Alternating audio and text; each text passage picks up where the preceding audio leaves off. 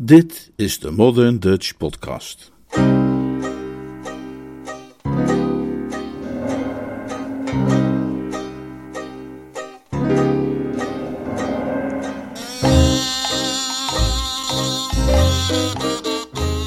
Vandaag een wat eigenaardige aflevering van de Modern Dutch Podcast. Want niet een verhaal van P.G. Woodhouse zelf deze keer, maar een van zijn stiefdochter Leonora.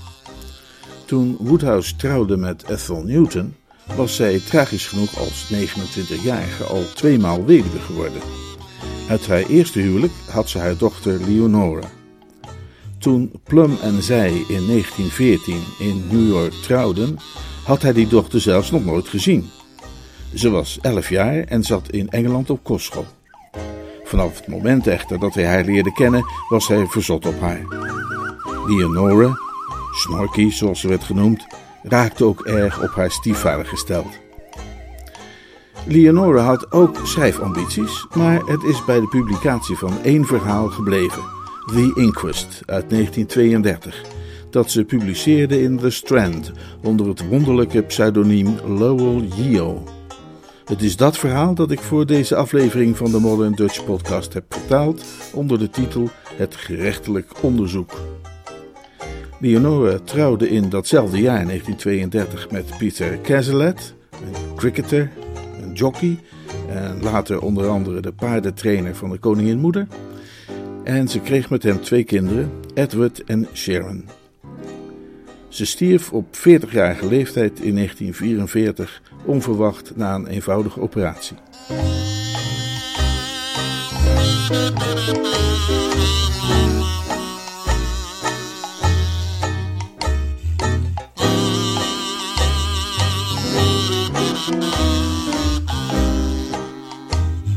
Het gerechtelijk onderzoek door Lowell Yeo. Vertaald en voorgelezen door Leonard Beuger.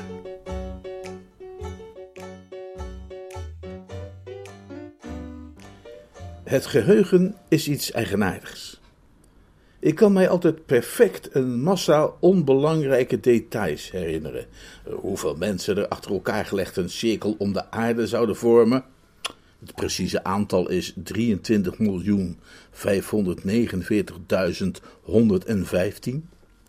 Dat de Rijnlandse roede 14,19 vierkante meter mat en dat er 600 van die roedes gingen in één morgen of gemet. Die dingen en nog een heleboel meer vergeet ik nooit. Maar als ik af en toe eens een dagje gelegenheid vind om naar Londen te gaan, en voor een plattelandsdokter als ik is dat maar zelden, vergeet ik gegarandeerd mijn boodschappenbriefje. Pas als de trein weer uit Londen vertrekt, bedenk ik welke instrumenten ik ook alweer had moeten kopen. Ik wist nog juist op de sneltrein naar Stanton te springen, terwijl hij puffend en grommend het station uitreed, en kwam daarbij op iemands schoot terecht. Mijn verontschuldigingen werden gelukkig aanvaard. Het was een keurige en onopvallende oudere heer, en ik wist dat ik hem eerder gezien had, maar hoewel ik nog altijd precies zou kunnen zeggen dat rijst, sago en peper de belangrijkste exportproducten van Noord-Borneo zijn, kon ik mij absoluut niet herinneren waar ik hem eerder had ontmoet. Mensen die hetzelfde soort leven leiden, hebben de neiging om op elkaar te gaan lijken. Dertig jaar hetzelfde kantoor, dezelfde buitenwijk, hetzelfde dagblad en uiteindelijk hebben ze ook hetzelfde gezicht. Mager en getuigend van enige bloedarmoede met ogen in het vervaalde blauw van te vaak gewassen kleergoed. Zomer en winter een regenjas en een avondkrant. Het was een kille, mistige avond. Zo'n typische, gure januaridag die het inconsequente Engelse klimaat steeds weer weet te produceren halverwege oktober.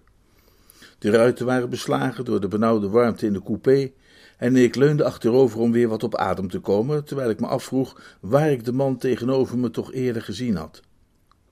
Een stijve witte boord hield zijn kin omhoog. Hij zat rechtop op het puntje van zijn zitplaats. Plotseling kuchte hij. Het was meer iets dat hij uit gewoonte deed dan echt een kuchje. Je kreeg het gevoel dat het niet heel goed voor zijn keel kon zijn. En toen wist ik opeens weer dat ik hem eerder had gezien die middag van het gerechtelijk onderzoek twee jaar geleden op Langley Abbey. Zoals een mens zich kleine dingetjes herinnert te midden van de grootste opwinding, weet ik nog hoe ik die dag tijdens de stiltes die af en toe vielen in de grote eetkamer daar, de schaduwen van de iepen zich langzaam uit zag strekken over het gazon, de roeken hoorde krassen en in de kamer de krakende laarzen van de politieman en het droge kuchje van de notarisklerk, die zijn onbeduidende maar noodzakelijke getuigenis helder en bondig formuleerde. Het enige dat aan Langley nog iets heeft van een abbey, een abdij, is het glas- in loodraam in de badkamer. Voor de rest is het gewoon een van die degelijke vierkante huizen uit de 18e eeuw. De tuinen en het park zijn verrukkelijk. Ik ben er zo goed als opgegroeid, samen met de jongens van Neville, dus ik ken het huis en het terrein als mijn broekzak. Toen de jongens in 1917 allebei sneuvelden, heeft de oude Sir Guy Neville het huis aan John Hentish verkocht, zoals het erbij stond. Het is wonderlijk hoe het karakter van een huis verandert door wie er woont. Bij de Nevilles was Langley een vriendelijk huis geweest.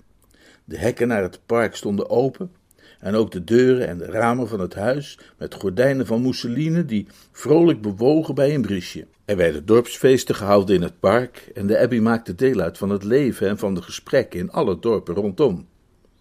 Met John Hentish kwam daar verandering in. Aan Sir Guy was gevraagd de betere kringen van het graafschap te laten weten dat de nieuwe bewoners niet op gezelschap gesteld waren en hoopten dat men zich de moeite zou besparen op bezoek te komen. De hekken van het park werden gesloten en bleven gesloten. De ramen werden stevig dichtgedaan en de mousseline gordijnen hingen strak en levenloos achter het glas. Het huis kreeg er een strenge en weinig toeschietelijke uitdrukking van. De enige mensen die er nog langskwamen waren de postboden en de leveranciers. Langzaam verdween Langley Abbey uit de annalen van het graafschap en de gesprekken van de mensen. Wat mij betreft, het huis dat zo'n belangrijk deel van mijn leven had uitgemaakt, had mij buitengesloten. En in de tien jaar dat ik er langs reek als ik naar Madenley ging om een receptje uit te schrijven voor Miss Taunton's spataderen of om de kleine Willy Twinger te behandelen, wendde ik mijn blik af van de hekken van het park, zoals je zou doen bij een ooit vriendelijke hond die vals geworden was en niet meer te vertrouwen. Tot ik op een middag, vier jaar geleden, een briefje in mijn spreekkamer vond met het verzoek onmiddellijk naar de Abbey te komen. Daarna kwam ik regelmatig, tenminste drie keer per week. Vrijwel het hele huis, ontdekte ik, was waarschijnlijk door ongeïnteresseerdheid nog in precies dezelfde staat als waarin het van de Nevels gekocht was. Er was een grote hal die de hele diepte van het huis besloeg, zodat de openslaande deuren naar het gazon tegenover de voordeur lagen. De vloer glansde sterker dan ik mij herinnerde en er was minder licht. De meubels waren lelijk maar degelijk, voor het grootste deel 19e eeuws. Er stonden twee lange tafels, een eikenhouten kist, een paar rechte stoelen en een Burmeese gong. Aan de muur hingen verschillende geweien, een paar lithografieën van vroeg-christelijke martelaars, waaronder Sint Sebastiaan, die er opmerkelijk fit en vrolijk uitzag met zo'n veertig pijlen in zijn lichaam. Een zalm van bijna 10 kilo, die Sir Guy ooit in Schotland had gevangen, en een heel behoorlijk wandtapijt. De oude Hentish had de kamer die Lady Neville's ochtendsalon was geweest omgebouwd tot een slaapkamer met badkamer. De ruimte daarnaast, die wij als de woonkamer hadden gekend, was nu een bijzonder fraaie bibliotheek. Allebei die kamers waren groot, met hoge plafonds, en hadden ook weer openslaande deuren naar het gazon. Hij bracht zijn tijd bijna uitsluitend in die paar kamers door en verliet die zelden. Hentish had weliswaar vertrouwen in mij als arts, maar had voor het overige een hekel aan mij, zoals hij verder aan iedereen een hekel had. Hij was zonder meer de meest nare, onaangename oude beroerling die ik ooit was tegengekomen. Vrijwel het enige genoegen dat ik in zijn aanwezigheid ooit smaakte, was dat ik regelmatig een naald in zijn arm mocht steken. Hij verbruikte razendsnel het beschikbare bestand Londense verpleegsters, maar tenslotte lukte het me om hier uit het dorp, Madenley, Miss Mavie over te halen om dat baantje aan te nemen. Zij had vijftien jaar lang haar invalide moeder verzorgd, die zelfs de oude Hemtisch nog had overtroffen in onaangenaamheid. Uiteraard zou niemand nog erg lang kunnen blijven leven in zo'n conditie als die van John Hentish, want behalve hartproblemen had hij levercirrose in een gevorderd stadium, maar omdat de dood hem angst aanjoeg, luisterde hij naar mij en ging zijn algehele gezondheidstoestand dankzij een therapie met elektrische schokken, een dieet en medicijnen toch nog wat vooruit. Sommige vrouwen zijn griezelig. Miss Stanton was al jaren bedlegerig, maar toch was zij zo'n vrouw die altijd wel ergens een nicht had die de tante kende van de man die vermoord was. In dit geval was de nicht van het dienstmeisje van haar schoonzus getrouwd met de zoon van de opzichter van de Hentish papierfabriek in Ontario.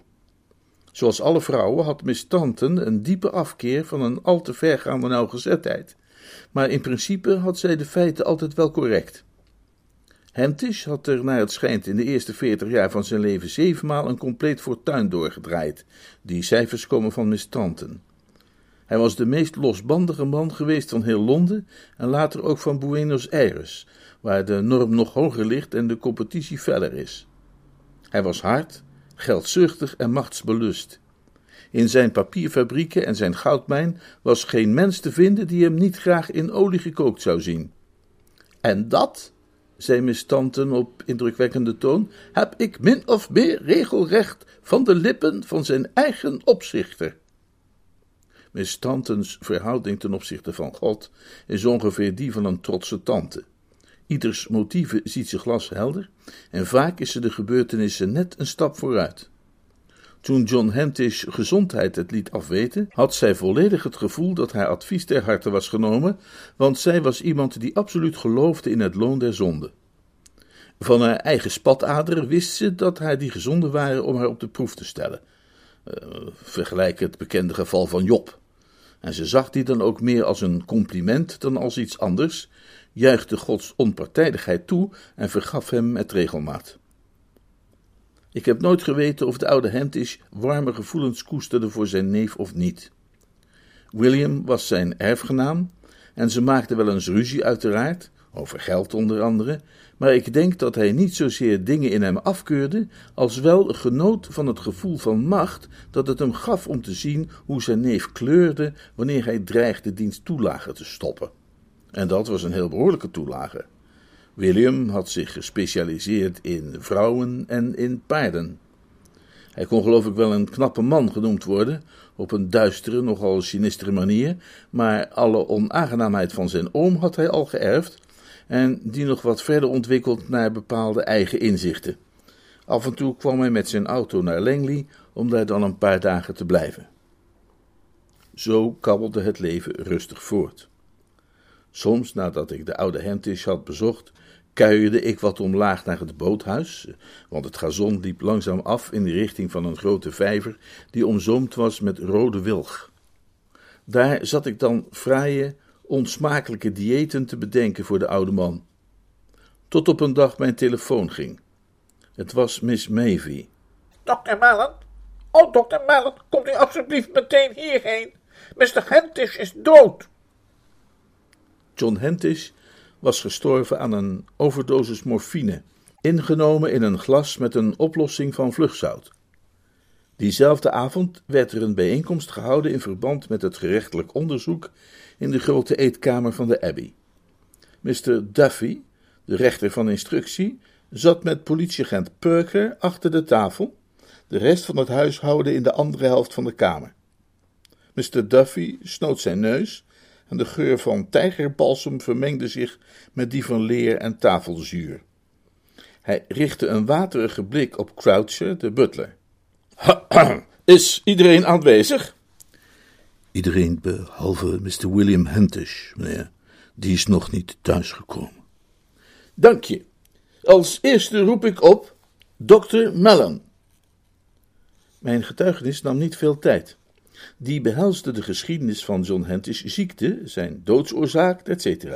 Miss Mavie werd als tweede opgeroepen en onder de indruk dat ze terecht stond voor een halsmisdaad, opende ze met een klinkende verdediging waarin ze zeven verschillende alibis opsomde voor die middag. U zegt dus, vroeg de rechter haar, dat de morfine waarmee u de overledene soms een injectie moest geven, om zijn intense pijn te verlichten, bewaard werd op de bovenste plank van een medicijnkastje en voorzien was van een etiket met het duidelijke opschrift morfine. Jawel, zei Miss Mavie en keek erbij alsof ze in het proces Mary Dugan speelde. En iedereen zal dat beamen. Dat medicijnkastje had een glazen deur, begrijp ik. Het vlugzout en een glas werden neergezet op een tafeltje onder het kastje met de morfine. Is dat correct, Miss Mavie? Miss Mavie trok bleek weg in het besef dat alles wat ze zei eventueel als bewijs tegen haar kon worden gebruikt. Uh, in zekere zin, ja. In zekere zin? Er lag ook nog een uh, lepeltje op dat tafeltje, zei Miss Mavie, vastbesloten niets achter te houden. Dat medicijn, die oplossing van vlugzout, nam de overledene dat in op vaste tijdstippen? Miss Mavie dacht hierover na. Was dit een strikvraag? Nee, meneer, alleen om de pijn te verlichten wanneer die plotseling opkwam, zei ze omzichtig. Toen uh, dokter Mellon de mening uitte dat hier geen sprake was van een natuurlijke dood, maar dat het ging om een overdosis morfine, uh, bent u in de badkamer gaan kijken. Daar vond u op de tafel naast het vlugzout de lege ampul, die toen u na uw werk naar huis ging in het medicijnkastje had gelegen en die 1200 milligram morfine bevatte. Is dat juist? Dokter Mellon had me gevraagd om te gaan kijken toen hij zag dat die morfine in het glas met vlugzout was gedaan. Ik heb niks aangeraakt. Dat zweer ik bij de Almachtige God. Was het de gewoonte van Mr. Hentish om zelf die vlugzoutoplossing klaar te maken en in te nemen? Ja, meneer, als er niemand anders in de kamer was om dat voor hem te doen. Miss Mavie, bent u net als dokter Mellon van mening dat die morfine niet per ongeluk kan zijn ingenomen? Nee. Nee, dus u denkt dat die wel per ongeluk kan zijn ingenomen? Ja, ik, ik bedoel, ik bedoel ja. Ik, ik ben van mening dat die morfine, nee, niet per ongeluk kan zijn ingenomen. Hm, dat is alles. Dank u. Miss Mavie, nog altijd onder de kille schaduw van het schavot, zuchtte huiverend, leende de tijgerbalsem van de rechter en zonk diep inhalerend neer op een stoel. Croucher, de butler, was de volgende om te worden verhoord. Volgens u toonde Mr. Hentish dus geen tekenen van woede of boosheid toen hij vanmorgen dat telegram ontving? Beslist niet, meneer. En wat gebeurde er daarna? Hij vroeg of Mr. William thuis was. En was dat zo? Nee, meneer. Hij was om half tien vertrokken in zijn auto. En vervolgens? Hij zei dat ik naar de hel kon lopen, meneer. En zijn verdomde neef maar mee moest nemen, meneer. Maar dat ik eerst Trowbridge en hij moest gaan bellen. Het kantoor van zijn notaris. Precies, meneer. En daarna?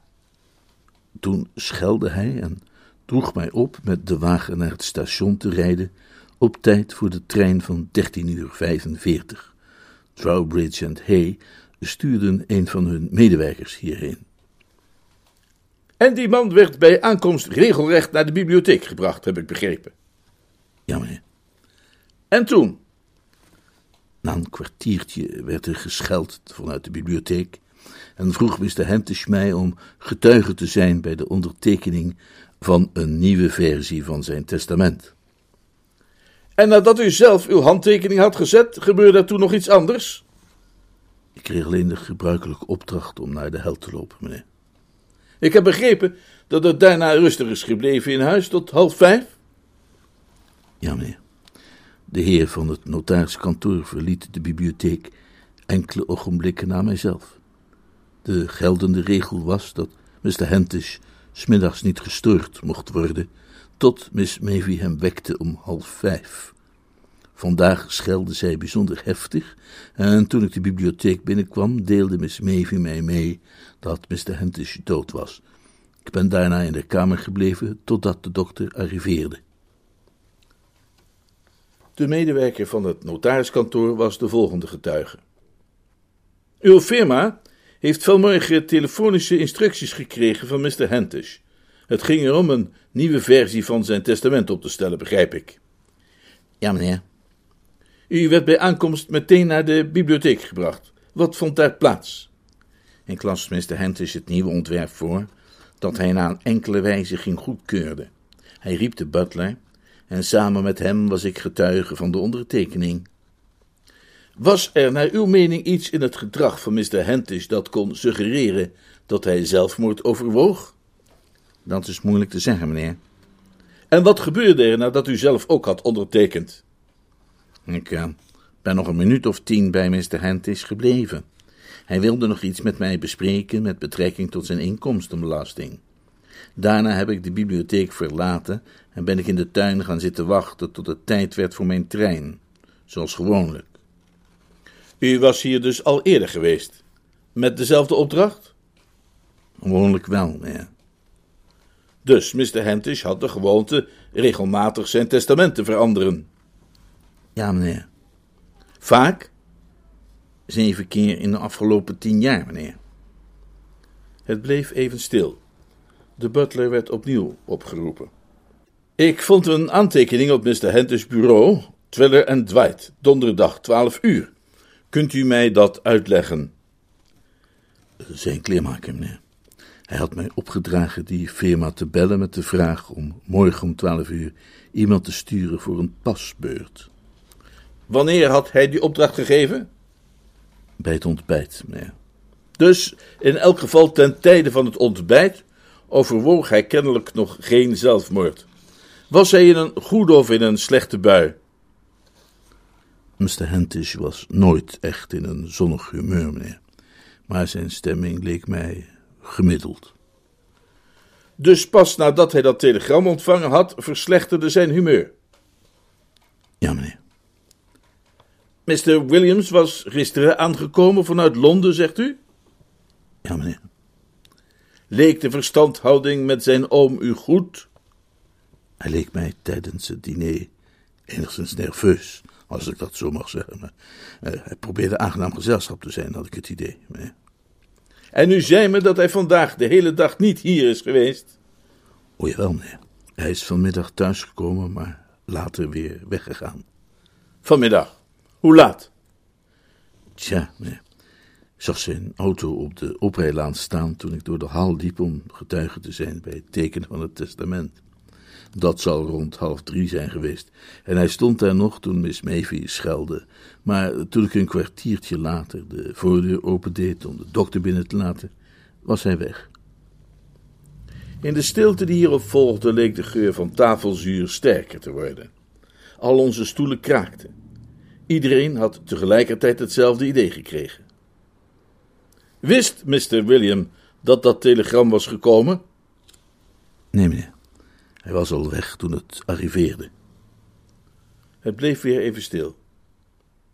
Dus hij wist niet dat Mr. Hentish van plan was zijn testament te wijzigen, of dat Mr. Uh, uh, Mr. Uh, dat, dat zijn notaris een medewerker zou sturen. Nee, meneer. Mensen zijn eigenaardig. Ze kunnen iemand twintig jaar lang elke dag gezien hebben, zijn gezicht kennen, zijn gewoontes, zijn hebbelijkheden, maar ze hoeven maar te horen dat zijn vrouw bij hem weg is, of dat hij zijn moeder heeft doodgeschoten, en ze zullen uren gaan staan wachten om ook maar een glimp van hem op te vangen. Praktisch iedereen op die bijeenkomst had Mr. William Hentish regelmatig gezien tijdens de laatste twee jaren of langer, en niemand van ons was ooit bijzonder opgetogen geweest bij die aanblik. Maar toch, toen de voordeur dichtsloeg na de laatste woorden van Croucher en mijn voetstappen weer klonken op de glanzende vloer van de hal, richtten zich aller ogen strak op de knop van de mahoniehouten deur. Ik wist zeker dat er mensen in die kamer waren, waaronder in elk geval de butler en ikzelf, die altijd juist de dagen geprezen hadden dat ze Mr. William Hentish niet hadden hoeven zien. Maar toen zijn voetstappen naderbij kwamen, was het zo stil geworden dat het zoemen van een enkele bromvlieg in de kamer leek te weergalmen als het geraas van een vliegtuig. Onze stoelen kraakten terwijl ieder van ons vooroverleunde en stil werd. De voetstappen hielden stil. De deurknop werd omgedraaid en onze stoelen kraakten nog een keer heftig. Ik weet niet precies wat voor verandering we allemaal bij William Hentish verwacht hadden te zullen zien, maar ik herinner me een vaag gevoel van teleurstelling toen hij daar op de drempel stond en nog precies zo oogde als de laatste keer dat ik hem had gezien. Toen hij te horen kreeg over de dood van zijn oom en de wijze waarop hij was gestorven, leek hij verrast te zijn. Ik heb me vaak afgevraagd waarom aanklagers en onderzoeksrechters altijd bepaalde vragen stellen. Mr. Duffy kende William Hentish net zo goed als ik. Hij was winters vaak genoeg in onze smalle dorpsstraten door de opspattende modder van diens auto besmeurd. Maar toch werden de volgende vijftien minuten geheel besteed aan het nauwkeurig vaststellen van diens identiteit. Het stellen van vragen leek eindeloos door te gaan. William Hentish droeg op zijn gezicht zijn gebruikelijke uitdrukking van ongeïnteresseerdheid in de mensen om hem heen, maar zijn antwoorden volgden snel en zonder bijzondere emotie. Hij zei dat hij kort na de lunch was thuisgekomen en regelrecht door de hal en over het gazon naar het boothuis was gelopen. Daar was hij gebleven tot de klok bij de stallen half vijf had geslagen en toen teruggelopen naar het huis met de bedoeling naar binnen te gaan om zijn oom te spreken, die, naar hij wist, om die tijd weer wakker zou zijn. Hij was echter niet naar binnen gegaan, omdat toen hij de hal bereikte, de deur van de bibliotheek op een kier had gestaan. Agent Perker, die optrad als griffier bij deze zitting, maakte de notulen. Een hol gekreun was zijn teken dat het nu allemaal even te snel ging voor hem, en de vraagstelling werd een ogenblik onderbroken om te zorgen dat hij zijn achterstand kon inhalen. Daarna ging de onderzoeksrechter weer verder. Door de openstaande deur, zegt u, hoorde u dus hoe Miss Mavie telefoneerde met dokter Mellon. Maar hoezo was dat een reden voor u om uw oom niet langer te willen spreken? Oh, ik dacht dat u waarschijnlijk weer een aanval had en mij op dat moment dus liever even niet zou zien. Ik begrijp dat u niet hier was toen het telegram arriveerde. Telegram? De rechter richtte zich tot Perker. Agent, leest u dat telegram voor, alstublieft. Agent Perker werkte eerst even zijn notulen tot daarbij en schraapte zijn keel bij wijze van inleidend tromgeroffel. Telegram aan John Hentish, Langley Abbey, Langley, Norfolk. Subject in geheim getrouwd met Miriam de Mar. Gisteren 1400 uur in stadskantoor Duke Street. Verwacht verdere instructies. Was getekend Ros.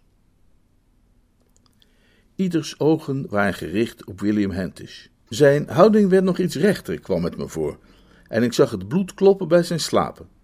Het olie- en azijnstel op de tafel rammelde als een passerende sneltrein toen agent Perker weer ging zitten achter zijn notulen. Is deze informatie correct, Mr. Hentish? Ja. U was er niet van op de hoogte dat uw oom uw gangen liet nagaan? Nee. U bent in het geheim getrouwd, neem ik aan, omdat u meende dat uw oom Miss de Mar niet als een geschikte echtgenote voor u zou beschouwen. William Hentish bloosde. Nou ja, mijn oom was een lastig man. Hij vond eigenlijk niets goed wat hij niet zelf geregeld had. Maar mijn vrouw werkte als danseres in het revue-theater. Met de tijd zou er wel zijn bijgedraaid, dat ging altijd zo. En in de tussentijd? Nou, hij zou me een maand of twee niet bij hem thuis hebben willen zien, neem ik aan. En u uit zijn testament hebben geschrapt? Waarschijnlijk wel, ja. En veronderstelt dat hij gestorven zou zijn voordat hij u weer in zijn testament had kunnen opnemen? William Hentish glimlachte. Ja, dat is nogal een uh, academische presumptie inmiddels. Er klonk een nijdige kreun van de zijde van agent Perker, die een fonetische spelwijze hanteerde en een voorkeur had voor woorden die hij vaker had gehoord. U heeft deze heer dus ook niet eerder gezien? Mr. Duffy wees naar de notarisklerk, die discreet kuchte. William Hentish keek naar de man en wendde zich toen weer tot de rechter. Nou, niet voor zover ik weet. Wie is dat? Een medewerker van Trowbridge Hay, die uw oom op dienstverzoek het ontwerp heeft gebracht van een Nieuw Testament. William Hentish wendde zich dadelijk tot de notarisklerk. Heeft mijn oom dat testament ook getekend? Ja, meneer. Mag ik vragen naar de inhoud van dat Nieuwe Testament, het, het geldende? De klerk zag kans om zijn keel te schrapen in de vorm van een vraag aan de rechter, die een antwoord terugknikte. Mr. Hentish heeft zijn volledige nalatenschap ter beschikking gesteld van kankeronderzoek. En zijn vorige testament, dat hij herroepen heeft? vroeg de onderzoeksrechter. Daarin ging alles naar zijn neef, William Hentish. Terwijl de notaris-klerk aan het woord was, zat William Hentish er zwijgend bij. Alleen klopte het bloed nog steeds aan zijn slapen. Toevallig ving hij de blik van de kokkin des huizes. Ik zag hem schrikken. Zij was volstrekt onmiskenbaar een vrouw die niet een oom had vermoord en die keek naar een man die dat wel had gedaan. Ik denk dat hij pas op dat moment het gevaar besefte dat school in de zich opstapelende gegevens die tegen hem spraken. Hij had geweten dat zijn oom het niet eens zou zijn met het huwelijk dat hij had gesloten en dat waarschijnlijk niet lang geheim zou kunnen blijven. Hij was bekend met de precaire gezondheidstoestand van zijn oom en had vaak diens vlugzoutoplossing voor hem bereid. Hij wist ook van de morfine. Hij hoefde alleen maar van de bibliotheek naar de tuin te lopen. Hij wist uit ervaring dat de woede van zijn oom, wanneer die halverwege de middag gewekt werd, dermate zou zijn dat er waarschijnlijk een aanval uit zou voortkomen, en zoals hij in het verleden al zo vaak had gedaan, zou hij dan het vlugzout uit de badkamer gaan halen voor de oude Hentish, deze keer met een fikse toevoeging van morfine. Misschien had hij nieuwsgierig staan kijken hoe zijn oom het mengsel naar binnen slokte, en had hij het paars zich zien vormen onder diens ogen, en daarna zijn boek opgepakt om tenslotte kalmpjes terug te wandelen naar het botenhuis. Misschien had hij zelfs inderdaad daar zitten lezen totdat de klok bij de stallen luidde. De rechter nam weer het woord. Mr. Hentish, u zegt dat u de tuin niet verlaten heeft totdat u de klok hoorde luiden? Tot dan toe had William Hentish de vragen die hem gesteld werden steeds meteen beantwoord en met een kennelijke onverschilligheid. Nu volgden zijn antwoorden aarzelend en wachtte hij telkens voordat hij iets zei. Hij was reeds in de verdediging. Onze stoelen kraakten terwijl we voorover leunden om zijn antwoord te horen. Nee. U bent in de loop van de middag niet in de buurt van de bibliotheek geweest? Nee. Maar u had daar wel kunnen zijn, zonder dat iemand dat opmerkte. Is dat niet zo, Mr. Hentish? Nou, neem aan van wel, ja. Maar ik herhaal dat ik daar dus niet ben geweest. De kokkin snoof zo luid dat het echode door de hele kamer, waarin het inmiddels bijna donker was geworden. Onze gezichten waren nu alleen nog een vage vlek en een kille bries ritselde door de notulen van agent Perker. De klok bij de stallen sloeg acht. Wij hebben dus alleen uw woord dat u inderdaad de hele middag in het botenhuis hebt gezeten, Mr. Hentish. Ja, ik vrees van wel. Bleef een poosje stil. Plotseling schraapte de notaris-klerk zijn keel en nam het woord. Het is volkomen juist wat Mr. Hentis zegt met betrekking tot waar hij was. Ik kan dat getuigen. Direct nadat ik bij de oude heer Hentis was weggegaan, ben ik onder de ceder achter het huis gaan zitten om daar te wachten tot het tijd werd voor mijn trein. Ik heb gezien hoe Mr. Hentis junior in het botenhuis zat te roken. Ik denk niet dat hij mij gezien heeft, maar wat hij heeft verklaard is juist. Hij is daar niet weg geweest totdat de klok bij de stallen sloeg. De menselijke natuur is vreemd. In plaats van een diep gevoel van dankbaarheid te ervaren dat de handen van een medemens niet waren besmeurd met het bloed van een andere medemens, was naar mijn idee iedereen in de Kamer, met uitzondering misschien van de rechter, die een mogelijkheid zag om toch nog op tijd thuis te zijn om een warm mosterdbad te kunnen nemen, teleurgesteld dat William Hentish handen niet met bloed waren besmeurd.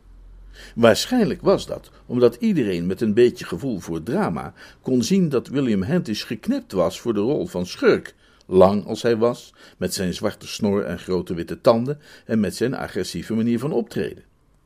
Zijn handen hadden juist wel besmeurd moeten zijn met het bloed van zijn oom, zo zag hij er beter uit, dat stond hem goed. Als ik voor mezelf spreek, wantrouwig tegenover mijn medemensen, net als de rest van de mensheid, dan oordeelde ik dat als hij niet zijn oom had vermoord, dat alleen was omdat hij er per ongeluk niet aan gedacht had.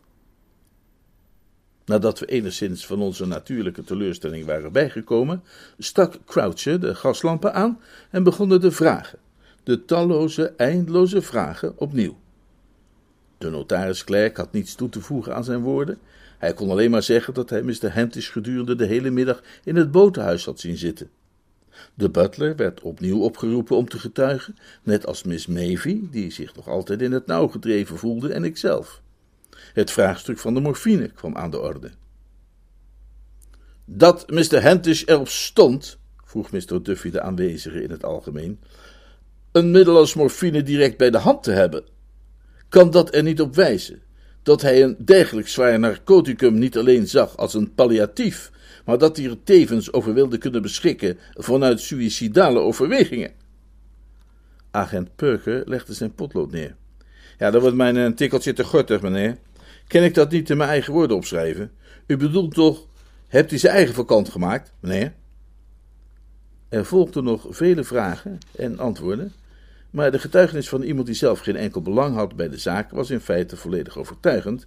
En na nog een verklaring van Miss Mavie dat de oude heer Hentish vaak nadrukkelijk in positieve zin gesproken had over zelfdoding, waarbij hij overigens naar mijn oordeel Miss Mavie op het oog had en niet zichzelf, oordeelde de rechter van de instructie, terwijl de klok bij de stallen negen sloeg, dat het hier ging om een geval van zelfmoord in een vlaag van zinsverbijstering.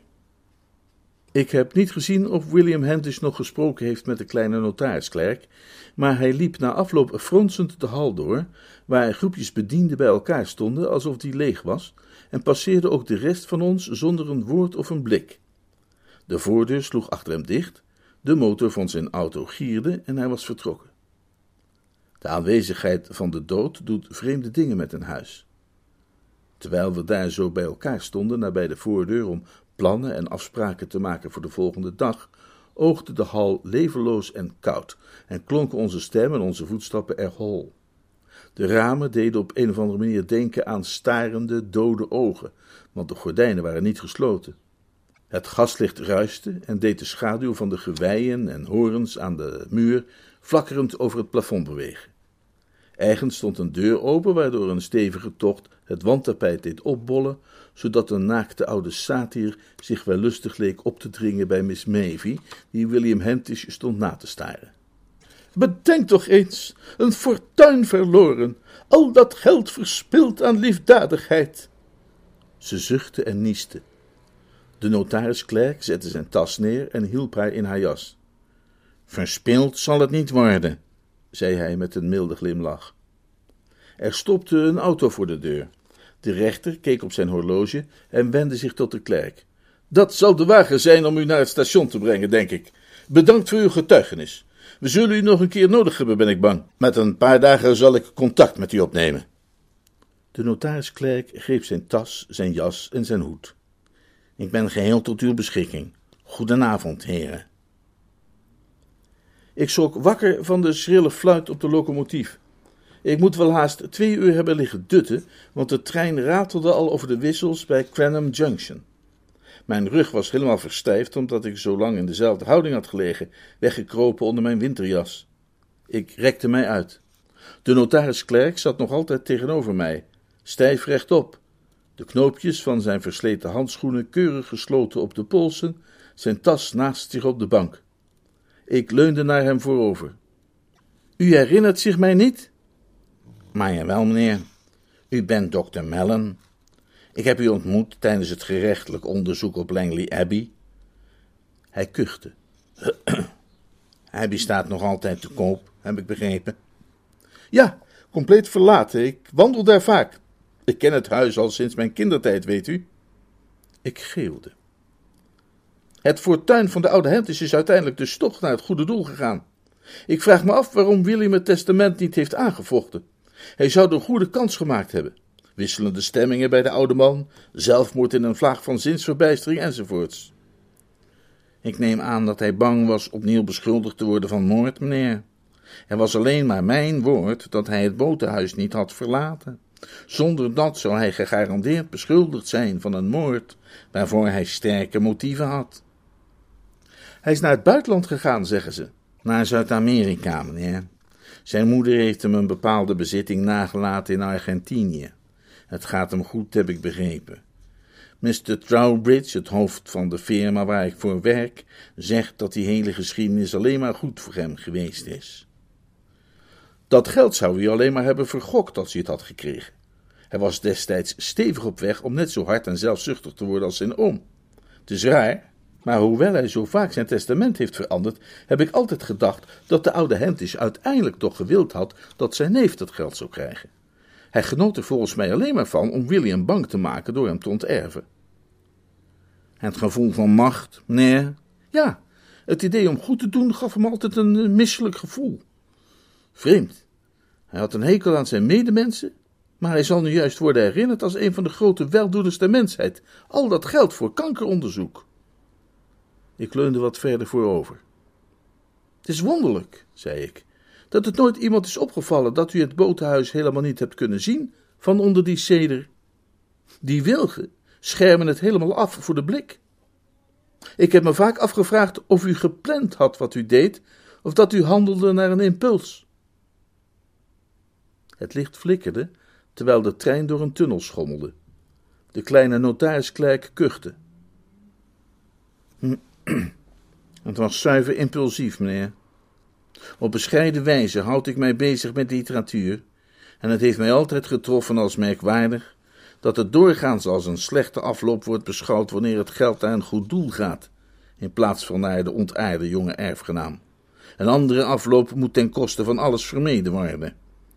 Het boek dat ik nu aan het lezen ben, bijvoorbeeld, meneer, gaat over een testament dat is kwijtgeraakt. De held van het verhaal ligt op het moment met handboeien om en een prop in zijn mond ergens op een verlaten scheepswerf. En de vloed komt op? Komt heel snel op, meneer. Hij heeft tot middernacht nog drie uur om een zeker document te vinden, anders vervalt het fortuin van zijn tante aan een liefdadig doel. En hij vindt dat document nog op tijd? Ongetwijfeld, meneer. Maar u zou dat uh, anders hebben laten aflopen. Ja, meneer. Het bleef een tijdje stil. Ik heb altijd willen weten wanneer het idee bij u opkwam, zei ik. Hij kuchte. Mr. Henty's dagen waren overduidelijk geteld, meneer. Toen hij het testament tekende, bedacht ik hoe geweldig het zou zijn wanneer hij zou sterven voordat hij zijn mening weer veranderde. Ik wist dat ik anders al gauw weer terug zou zijn op de Abbey, om dat testament opnieuw te veranderen in het voordeel van Mr. Hentis junior. En ik wist dat alleen hij en zijn boekmakers dan plezier van het geld zouden hebben. Hij leek al te zeer op zijn oom, meneer. Ik neem aan dat de oude Hentis vervolgens met u te spreken kwam over William en zich woedend maakte over dat huwelijk waar hij buiten was gehouden. En dat zou hem een van zijn aanvallen bezorgd hebben. Ja, meneer, zijn gezicht liep paars aan en zijn lippen werden wit. Ik stond ernaar te kijken in de hoop dat die aanval fataal zou zijn. Hij zei dat ik een glas voor hem moest gaan halen met zijn medicijn uit een fles op de tafel in de badkamer. De aanwijzingen stonden op de fles, zei hij. Ik ben nogal bijziende, meneer, en het duurde een poosje voordat ik mijn weg vond. Toen ik mijn bril tevoorschijn had gehaald, was het eerste waar mijn oog op viel die ampul met het opschrift morfine. En terwijl hij naar me stond te schreeuwen vanuit de bibliotheek, deed ik de deur van dat medicijnkastje open, nam de morfine eruit en goot die bij het medicijn in het glas. Hij nam het glas van mij aan. Jij vuile idioot, zei hij, en sloeg de inhoud achterover. Te snel waarschijnlijk om iets verdachts op te merken, neem ik aan. Hij haalde alleen diep adem, sloot zijn ogen en leunde achterover in zijn stoel. Ik ging naar de badkamer en veegde mijn vingerafdrukken overal vanaf, wat naar ik begrepen heb de juiste procedure is bij moord. Daarna ging ik terug naar de bibliotheek, verzamelde mijn papiras en deed die terug in mijn aktentas. Mr. Hentis zat volkomen stil. Ik weet niet of hij nog ademde of niet. Toen alles in orde was, ging ik naar de hal en sloot de deur van de bibliotheek zachtjes achter me. Ik schelde om Mr. Croucher en zei hem dat ik in de tuin zou blijven wachten tot het tijd was voor mijn trein. Is die oude rotzak een beetje rustig? vroeg hij, en ik zei dat zulks het geval was. Had u eraan gedacht dat William Hentish wel eens beschuldigd zou kunnen worden? Nee, meneer. Het feit dat het testament niet in zijn voordeel was, leek die mogelijkheid uit te sluiten. Ik wist niet dat mijn aanwezigheid en de reden daarvan hem onbekend was. Ik neem aan dat u hem over het gazon in de richting van het boothuis hebt zien lopen. Nee, meneer, dat heb ik niet gezien. Ik moet op dat moment zijn weggedommeld. Ik nam een zeker risico door zijn verhaal te ondersteunen. Maar dat was het minste wat ik kon doen, dacht ik. Heeft u ooit spijt gehad van wat u gedaan heeft? Hij keek me verbaasd aan. Spijt? Het geld is naar kankeronderzoek gegaan, meneer. Heeft u de laatste verslagen daarover gelezen? Daar zijn grote stappen voorwaarts gemaakt. Spijt? Oh nee, meneer. Daarvoor heb ik te veel respect voor het menselijk leven. De trein schudde toen de remmen zijn vaart begonnen te verminderen en de notarisklerk tuurde uit het raam.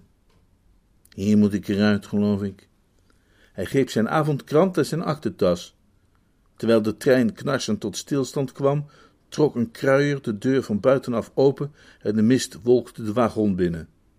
Crandon Junction, overstappen voor Cadem, Stockley, Rye en Wyming. Iedereen overstappen, psalmodieerde hij. Begrijp je, meneer? Nee, dank je. Hij draaide zich naar mij om. Ik heb het bijzonder op prijs gesteld met u te mogen converseren, meneer. Een goedenavond gewenst, meneer. Er is geen vollediger stilte dan de stilte die valt wanneer een machinerie wordt stopgezet. Zo'n stilte versterkt alle andere geluiden. Het sissen van stoom die ontsnapt, het gerinkel van melkbussen en de gedempte roep van de kruier: Iedereen overstappen! Dan de snokkende eerste beweging van de locomotief, een ruk en het schrapende geluid van de wielen die nog langzaam rondgaan.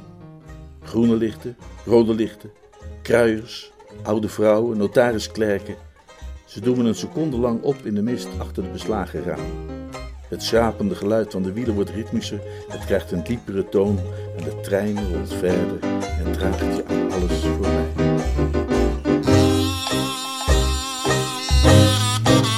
mij.